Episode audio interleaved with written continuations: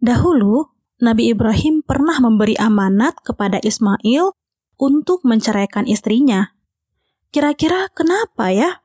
Dan apakah boleh kita menceraikan pasangan karena permintaan orang tua?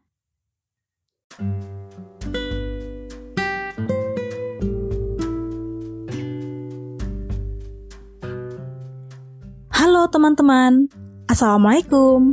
Saya Umay, senang bisa menyapamu kembali melalui podcast cerita sejarah Islam ini. Pada episode 11, kami telah menceritakan bahwa Bunda Hajar beserta Ismail memutuskan tinggal di sekitar air zam-zam. Tak lama kemudian, orang-orang yang dari kabilah Jurhum juga ikut tinggal.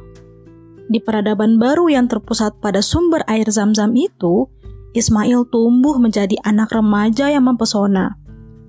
Ia belajar bahasa Arab dari penduduk yang menetap bersamanya. Mereka sangat menyayangi dan mengagumi Ismail. Ketika Ismail sudah cukup umur untuk menikah, mereka menikahkannya dengan salah seorang gadis dari kalangan mereka. Tidak berapa lama setelah pernikahan itu, Ibrahim datang untuk menjenguk istri dan anaknya yang dulu pernah ditinggalkannya. Namun, Ibunda Hajar telah lebih dahulu meninggal dunia sebelum Ibrahim datang. Sementara itu, Ismail sedang bekerja di luar rumah, sehingga Ibrahim hanya bertemu dengan istri Ismail. Karena keingintahuan Ibrahim mengenai kehidupan putranya, Ibrahim bertanya tentang Ismail. Istri Ismail itu menjawab, "Ia sedang mencari nafkah untuk kami." Selanjutnya, Ibrahim menanyakan tentang kondisi ekonomi dan keadaan mereka. "Kami dalam kondisi buruk. Kami dalam keadaan ekonomi yang sempit dan sangat menderita." Istri Ismail itu mengadukan keadaan ekonominya yang buruk kepada Ibrahim. Lalu Ibrahim berkata, jika suamimu datang, tolong sampaikan salamku kepadanya dan sampaikan pula agar ia mengganti palang pintu rumahnya. Ketika Ismail datang, ia seolah-olah merasakan sesuatu.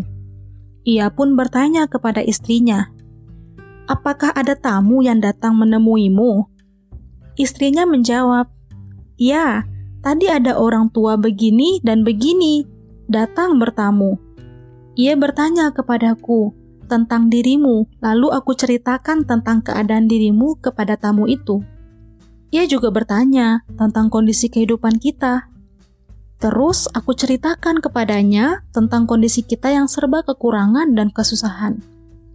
Ismail lalu bertanya lagi, "Apakah beliau berpesan sesuatu kepadamu?" Istrinya menjawab, "Ya, ia menitipkan salamnya kepadaku untuk disampaikan kepadamu. Ia juga berpesan agar engkau mengganti palang pintu rumahmu. Ismail berkata, "Beliau adalah ayahku. Ia memerintahkan aku untuk menceraikan dirimu. Oleh sebab itu, kembalilah engkau kepada keluargamu." Ismail kemudian menceraikan istrinya dan menikah lagi dengan wanita lain. Ibrahim pergi meninggalkan mereka dalam jangka waktu yang dikehendaki Allah. Selang beberapa waktu, Ibrahim kembali datang untuk menjenguk. Namun, lagi-lagi beliau tidak menjumpai Ismail.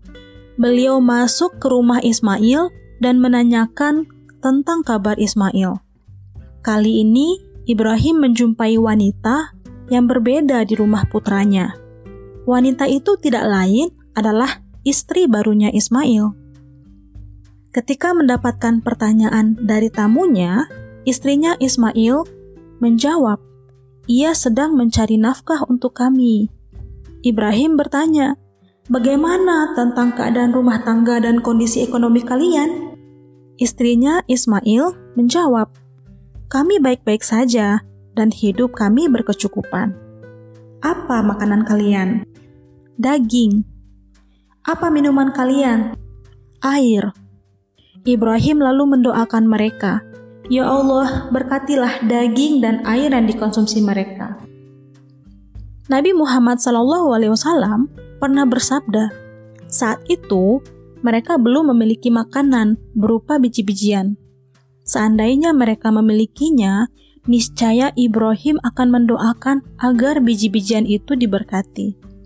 Daging dan air juga dikonsumsi oleh masyarakat di luar Mekah, tetapi tidak cocok untuk dikonsumsi sebagai makanan pokok. Ibrahim kemudian berkata kepada istri Ismail, "Jika suamimu datang, tolong sampaikan salamku kepadanya dan katakan kepadanya agar ia tidak mengubah palang pintu rumahnya." Ketika Ismail pulang, lagi-lagi merasakan sesuatu, maka ia bertanya kepada istrinya, "Apakah ada seseorang yang datang kepadamu?" Istrinya menjawab, "Ya, ada lelaki tua yang berpenampilan bagus, sikapnya lemah lembut. Beliau bertanya kepadaku tentang dirimu, lalu aku menjelaskannya." Beliau juga bertanya kepadaku tentang kondisi kehidupan kita Lalu aku kabarkan kepadanya bahwa aku dalam keadaan baik-baik saja. Ismail bertanya lagi, "Apakah beliau berwasiat kepadamu tentang sesuatu?" Istrinya menjawab, "Ya, beliau mengucapkan salam untukmu dan memerintahkanmu agar tidak mengubah palang pintu rumahmu." Ismail berkata, "Beliau adalah ayahku." dan engkau adalah palang pintu rumahku. Beliau memerintahkan aku agar menjaga perkawinanku denganmu. Teman-teman, dari episode 12 ini, kita bisa belajar dari kisah Ismail dan istrinya. Pelajaran pertama, kita boleh menuruti keinginan orang tua untuk menceraikan istri jika memang ada sebab yang benar. Namun, menuruti semua keinginan orang tua dalam hal menceraikan tidaklah harus. Ibnu Taimiyah mengungkapkan bahwa menceraikan istri tanpa sebab yang jelas tidak termasuk tindakan berbakti kepada orang tua. Pada zaman dahulu, ada orang yang bertanya kepada Imam Ahmad, "Apakah boleh menceraikan istri karena kedua orang tua menyuruh untuk menceraikannya?" "Jangan kamu talak," jawab Imam Ahmad orang tersebut bertanya lagi, "Tetapi bukankah Umar pernah menyuruh sang anak menceraikan istrinya?" Boleh kamu taati orang tua jika bapakmu sama dengan Umar, karena Umar memutuskan sesuatu tidak dengan hawa nafsu, kata Imam Ahmad. Dari kisah yang kami telah ceritakan, Ismail sendiri mengikuti permintaan Ibrahim karena Ismail sudah tahu bahwa Ibrahim adalah ayahnya yang mulia. Ibrahim adalah orang yang bisa memutuskan perkara dengan pertimbangan yang dalam. Apalagi Ibrahim adalah kekasih Allah yang memiliki akal dan perasaan yang dalam juga. Pelajaran kedua, tidak semua masalah rumah dapat diberitahu kepada orang luar, walaupun pada mertua sendiri.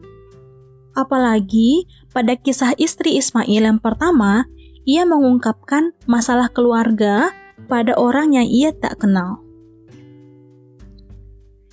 Pelajaran ketiga, kita diperintahkan untuk kona'ah atau bersyukur. Istri pertama mengungkapkan keluh kesah, seolah tak ada kebaikan dari kehidupan rumah tangganya. Sedangkan istri kedua lebih menjaga kehormatan suaminya. Pelajaran keempat, ada baiknya kalau kita memandang sisi positif dari orang yang kita temui. Istri pertama menyebut Nabi Ibrahim dengan sebutan laki-laki tua yang berpakaian kusam, tanda merendahkan.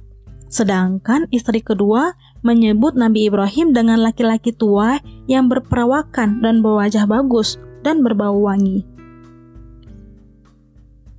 Pelajaran kelima, perintah orang tua selama tidak dalam maksiat tetap diataati kecuali mengandung maslahat. Demikianlah kisah yang berjudul Amanat Ibrahim mengenai istri Ismail. Kisah Ibrahim akan kami ceritakan lagi di episode selanjutnya di podcast Cerita Sejarah Islam. Sampai jumpa lagi. Wassalamualaikum warahmatullahi wabarakatuh.